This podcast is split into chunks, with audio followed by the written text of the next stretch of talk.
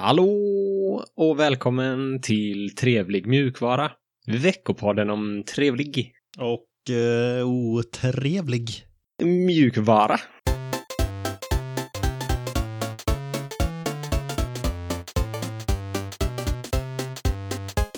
Ja, mitt namn är Sebastian. Hej hej. Och med mig på andra änden så har jag Alex. Ja, mitt namn är Alex. Hej hej. Hej Alex. Vad trevligt att få podda med dig igen.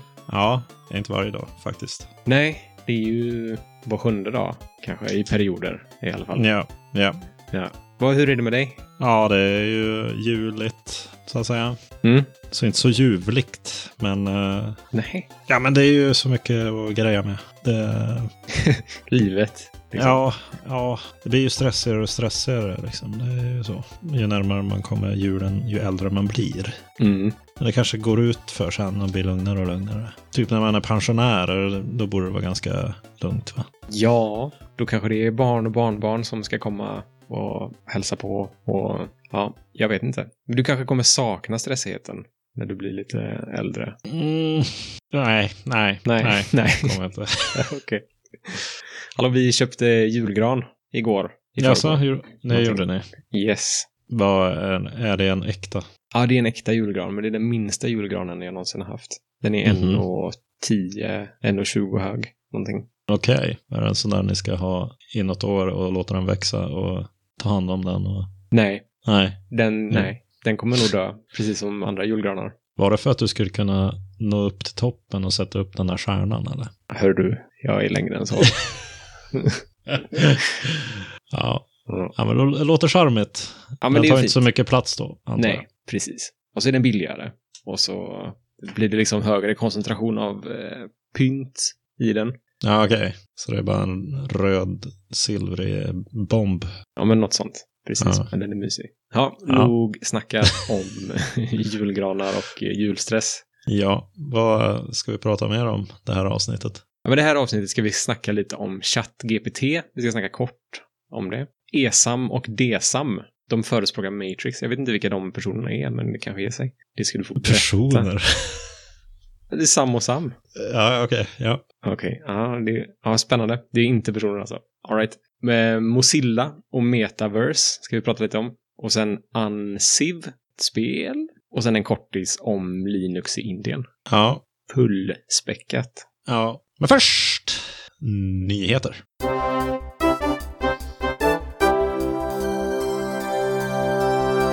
Ja.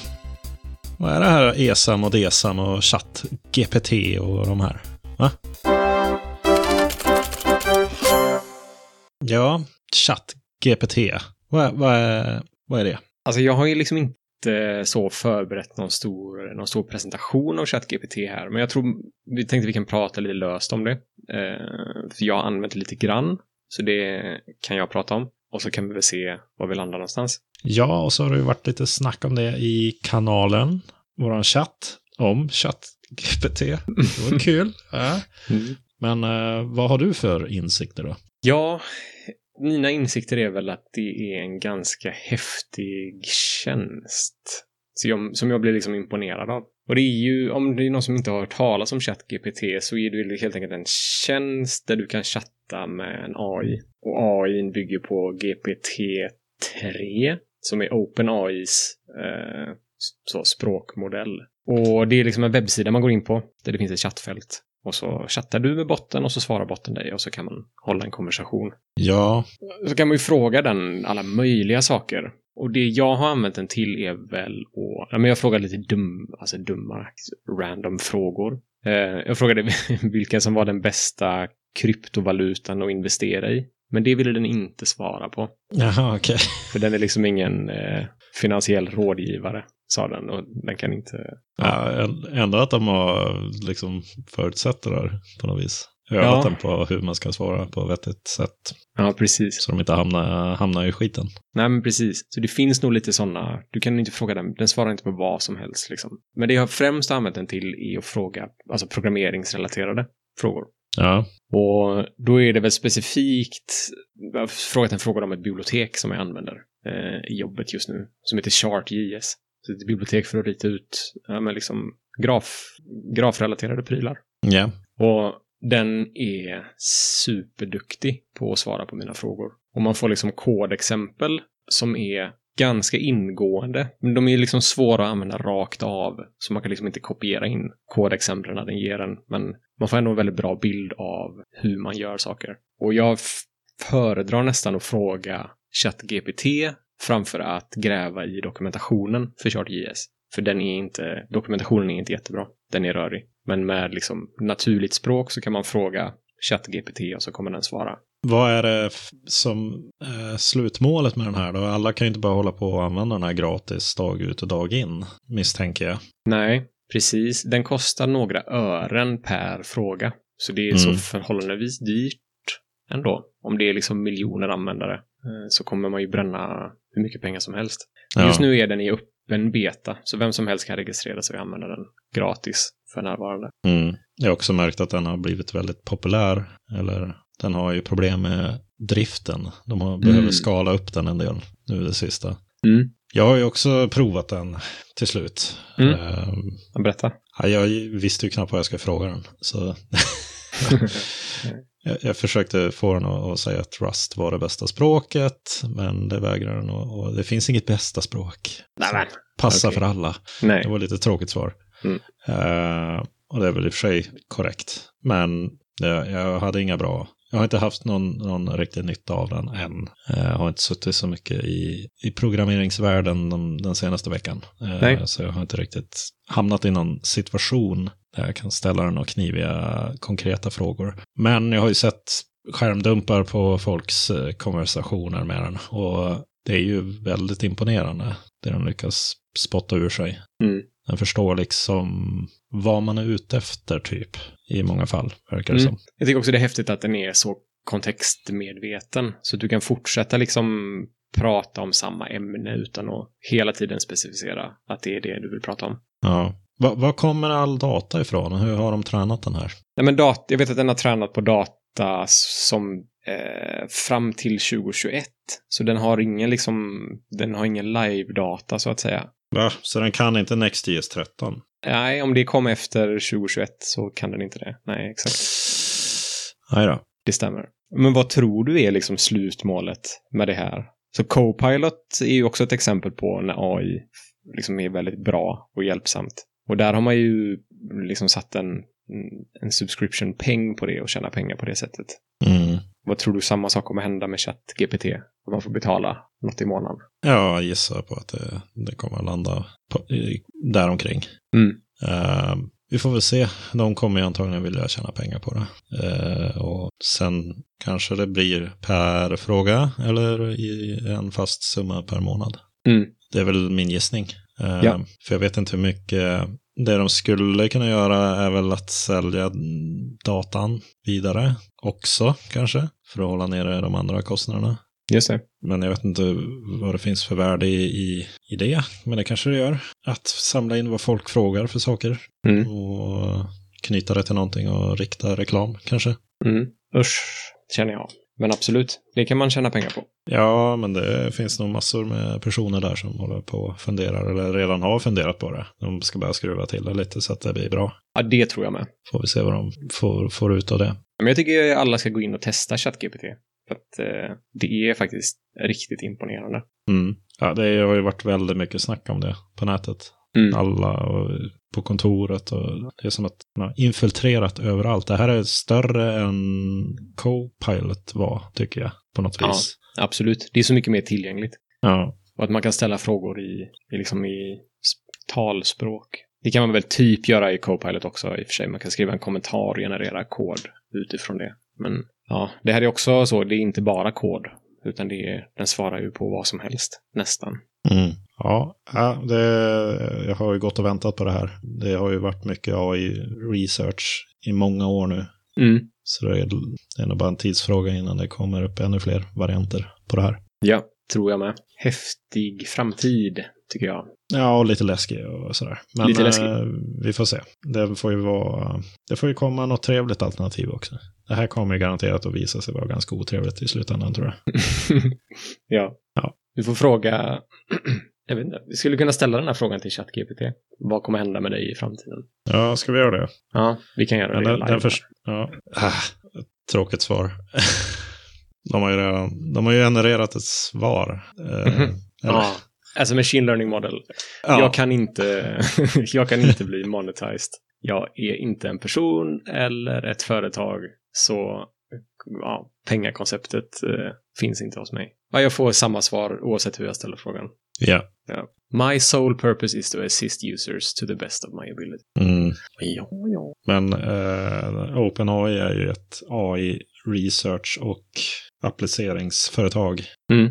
De har ju sig en, ett mission att försäkra mänskligheten om att AI kommer att gagna oss på något vis. Det är väl ett bra mission. Ja, det låter ju på pappret som ett bra mission. Men eh, ja, mm. det är också de som har gjort den här DALI. Mm, just det. Den som genererar bilder från text. Ja, ja, intressant i alla fall. Vi får hålla, hålla förstoringsglaset på det här någon gång eh, när det händer något. Mm. Jag frågade den också, som en sista grej, vad den tycker om open source. Och den säger As a machine learning model, I do not have personal thoughts or opinions. Så den vill inte ta ställning. Men den har inga problem att ta ställning kring eh, frågor om programmering och sånt. Nej, den vill inte ta ställning till om Rust var det bästa språket heller. Ja, nej, vi får hålla det under lupp. ESAM och DESAM. Vilka är... det är alltså inte... Det är inga personer. Eller det var Sam och Sam. Okej. Berätta för mig. De förespråkar Matrix i alla fall. ja, eh, och det här ramlar jag över på eh, i, i Fediversumet faktiskt. Eh, Mm. Våran, eh, jag tror han fortfarande lyssnar på oss. Samuel, han gjorde ett inlägg där han länkade till en eh, Element-blogg. Och vad är Element? Ja, men Element är ju en klient för att prata över Matrix. Ja, helt korrekt. Och eh, lite lustigt var det ett svenskt blogginlägg på Elements officiella sida. Mm. Typ det första tror jag. Och här så skriver man då att ESAM och DESAM förespråkar Matrix. Och det är en ganska trevlig text att läsa. Eh, men man skriver i alla fall att Sverige är ambitiösa i, i eh, liksom utvecklingen av digital kommunikation för offentlig sektor. Och det drivs eh, genom ett projekt DESAM och ett program ESAM. Mhm. Okej? Mm, Okej. Så projektet DESAM det står för Digital samarbetsplattform för offentlig sektor. Bra att de förkortar det. Och sen har de ESAM som är e-samverkansprogrammet. Okej. Och, e-samverkansprogrammet det bildades 2015 när E-delegationen slutfört sitt Mm. regeringsuppdrag. Det är så gött Och- att man bara sätt, lägger på ett E framför alla ord. ja, men det är, charmigt. Ja. Eh, Och de här E-generaldirektörerna, nej, generaldirektörerna, nej. Nej. Eh, Men generaldirektörerna för myndigheterna som ingick i den här E-delegationen beslöt att på frivillig grund fortsätta samarbetet kring digital utveckling. Och nu är det ju då 34 myndigheter som är med i den här e-samverkansprogrammet. Mm. Och det här började väl egentligen, det här projektet då med, med att försöka hitta någon digital kommunikation som fungerar för offentlig sektor, började med, ja, det var en kombination av att stöd och underhåll för Skype skulle upphöra eh, och att efterfrågad funktionalitet togs bort samt att de här GDPR-lagarna, eller GDPR-lagen, eh, har ju ställt vissa krav på vad man kan välja för någonting. Och EU-domstolen bedömde också att utformningen på amerikanska programvaror rimmar inte så bra ihop med GDPR. Och Schrems 2, vad nu det är för något, jag har inte riktigt koll på den, men det är väl en ytterligare grej. Ja. Och Skatteverket och eh, Kronofogden, eh, som har varit två av de mest drivande myndigheterna inom ESAM, de, de är ju rädda för det här med inlåsningseffekter, kostnader, kontinuitet, lämplighet och fortlöpande förändringar av lösningar. Mm. Och de har lämnat någon slags rapport som man kan se på ESAMs hemsida. Jag har även lagt in en länk. Men det är ju något samarbete där mellan ESAM och DSAM. Eh, jag skulle vilja gruppa de här ESAM och DSAM som eh, liksom ett initiativ för att få offentlig verksamhet att använda mjukvara som är liksom hållbar, man inte låser in sig och som ungefär som e-post. Eh, man kan ju använda vilken klient man vill. Just det.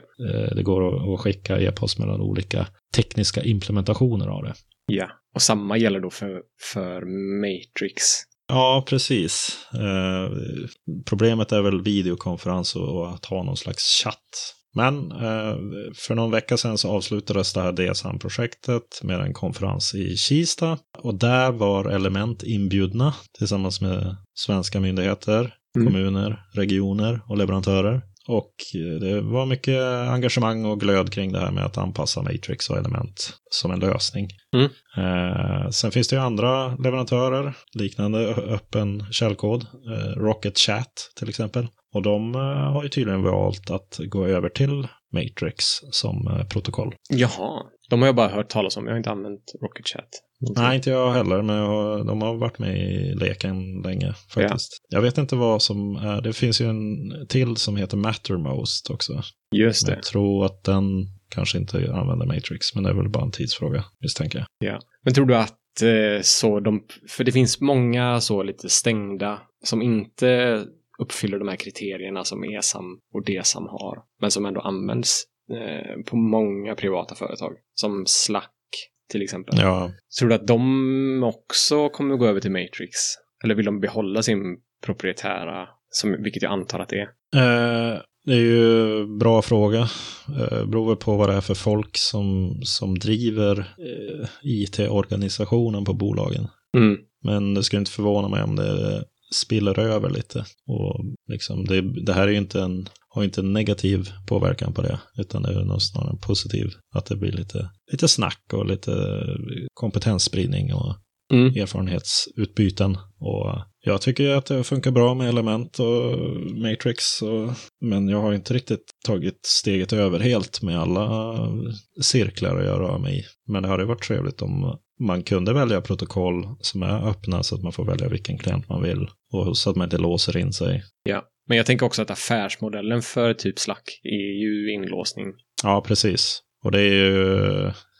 Det man är less på det. Ja, men ja, extremt. Sen har de ju en väldigt bra produkt. Så man får ju väga dem mot varandra. Ja, precis. Men det känns som att till slut kommer man alltid ikapp. Och sen finns det ju andra delar som eh, de öppna lösningarna är bättre på än vad Slack är, kanske. Men är det inte häftigt att publik, alltså statliga myndigheter är lite fanbärare, eller fanbärare, vad heter det, banbrytare? Ja, jo, men det tycker jag är lite fräckt. Men det känns som att det är Ja, de, de måste ju vara det på något sätt, eller? Ja, jag tycker vi har sett jättemånga exempel på när de köper in lösningar från privata företag som inte är öppna och som sedan mm. kostar jättemycket pengar för att liksom uppdatera och så funkar saker dåligt och de kan ja. inte själva vidareutveckla grejerna. Och jag, inte, jag tycker inte alltid det har varit så. Inom många områden så tar det tid innan det öppnas upp. Det kommer något nytt område och det är oftast någon stängd mjukvara, ungefär som är ChatGPT. Mm. Och sen så utvecklas det öppna alternativ och så tar det lite tid för dem att mogna. Mm. Och då blir det mera ett mer eh, moget beslut att gå över till sån mjukvara till slut. Men det är liksom ett litet, det är en liten delay. Och sist men inte minst så har man under projektets gång eh, låtit Element bli leverantör till Försäkringskassan för videokonferens och bestående chatt. Mm. Så det är en trevlig avslutning på det. Ja, grymt. Ska ju höra. Ja. Mm, ja, och så, eh, vad heter han? Meta, Meta-gänget. Zuckerberg, eller? Ja, ja han, det går ju dåligt för hans metaversum. Och eh, Mozilla är lite sugna på ett eget. Nej, men de är sugna på liksom tjänsten där man kan ha virtuella möten. Eller där man kan samlas virtuellt. Mm. Eh, så de har ju sin Hubs som vi har pratat om tidigare i podden. Minns du den?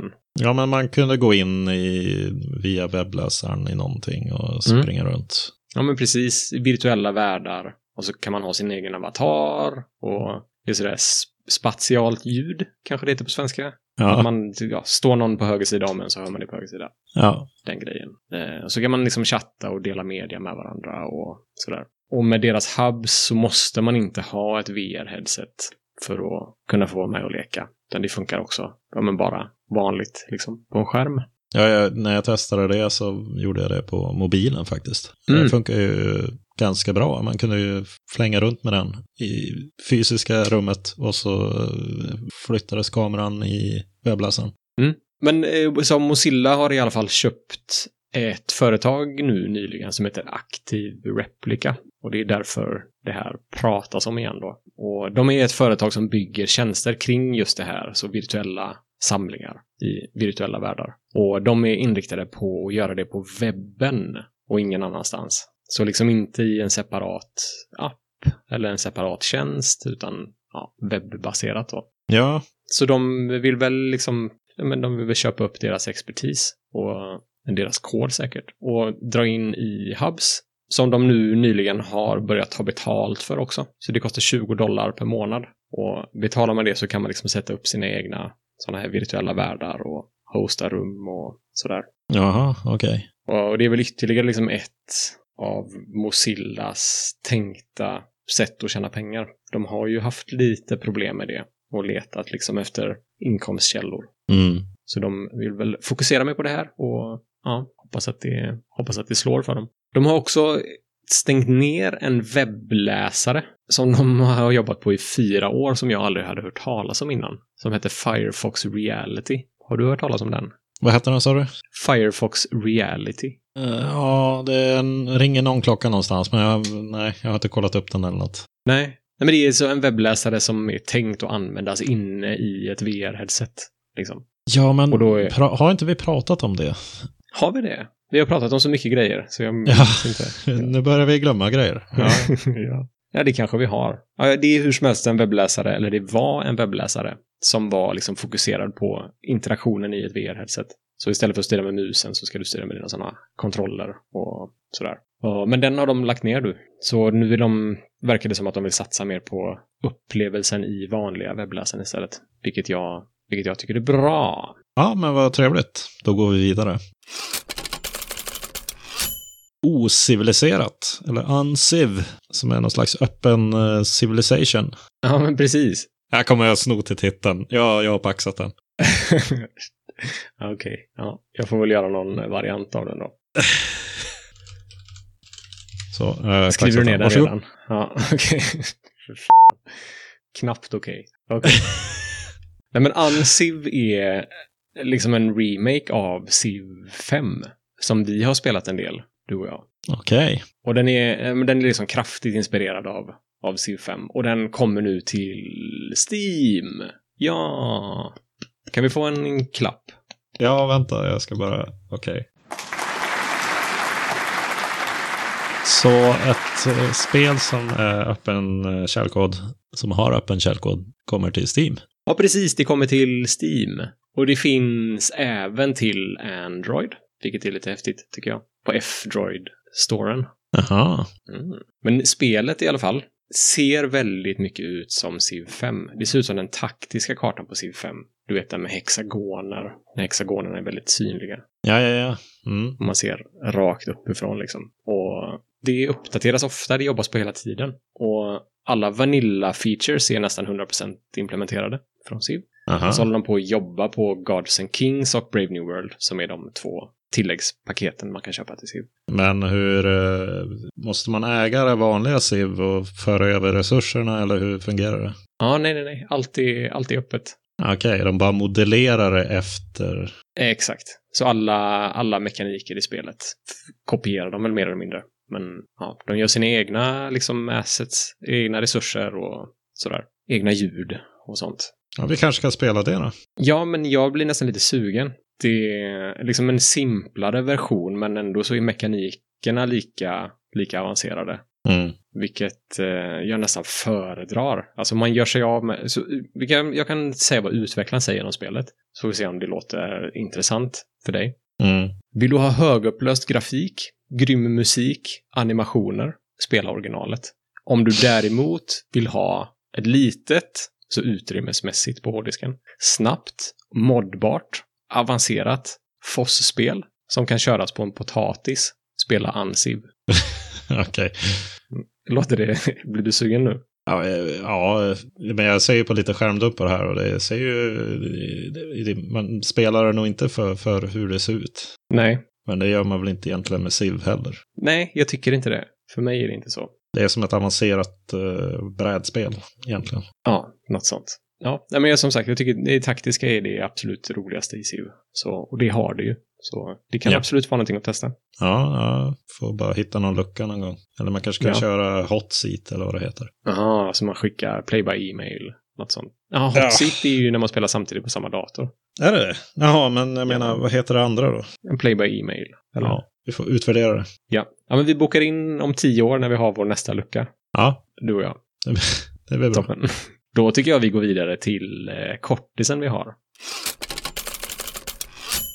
10% plus Linux i Indien är titeln på den här kortisen. Ja, Berätta. som med alla sådana här siffror som eh, har med procentsatser och, och marknadsandelar att göra så får man ju ta det med en liten uh, nypa salt såklart. Men uh, enligt StatCounter, vet du vad StatCounter är? För? Mm, ja, men den har jag nog varit inne och kollat på när det kommer till så webbläsar-stats, vilka som används mest. Ja, det är ju någon slags eh, räknare på en sida som man använder ibland för att ja, hålla reda på hur många besök man haft. Men enligt den så består 10% av all trafik i Linux i Indien. Va? Vänta då. Men enligt den så består 10% av all trafik av Linux i Indien. Nej, men va? Eh, Vad säger du nu? 10 ja, men- procent ja. av all trafik i Indien av Linux. Ja, Är det- 10% av all trafik av... I, ja, vänta då. Åh, vilken groda.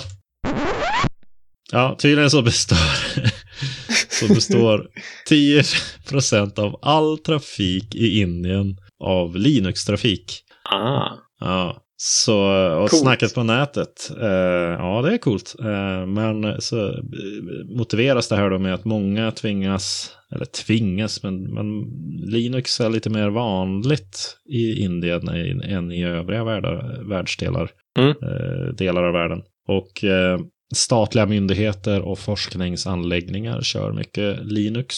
Sen var det någon som hävdade att man förespråkar Linux på grund av terminalen faktiskt och försöker få folk att använda terminalen mer och mer och för det är en liten Mm. styrka i det. Mm. Och sen så var det faktiskt 8 av den här statistiken som var okända också. Och antagligen är det en stor del Linux där också. Så det kanske blir 18 plus 10. Nej, jag menar, så det kanske blir 8 plus 10. Ja, Nästan närmare 20 procent om man får vara lite optimistisk. ja, precis. Så det, men man får ta det med en nypa salt. Och nu har vi gått förbi kortislängden här. Så Yes. det tar oss, tar oss vidare. Det gör vi. Det var all trevlig Och otrevlig mjukvara vi hade för den här säsongen. Hör gärna av er till eh, eh, snabel A. Nej, hör gärna av er... Det här med telefon, det funkar inte. Allting är bara så off, off alltså. Hör gärna av er till eh, kontakt snabel A trevligmjukvara.se eller besök oss på eh, hemsidan trevligmjukvara.se eller så kan ni besöka vår YouTube, Twitter, Telegram, Mastodon, Matrix, GitHub. Jag, Alex, finns på Mastodon och Seb eh, finns på Twitter och Mastodon. Sen har vi en donationsplattform också. Yes, och det ligger på livrapay.com snedstreck trevlig mjukvara snedstreck donate. Toppen. Då eh, får vi önska er en god jul så hörs vi på andra sidan året. Trevlig mjukvara på er! Trevlig mjukvara och god jul!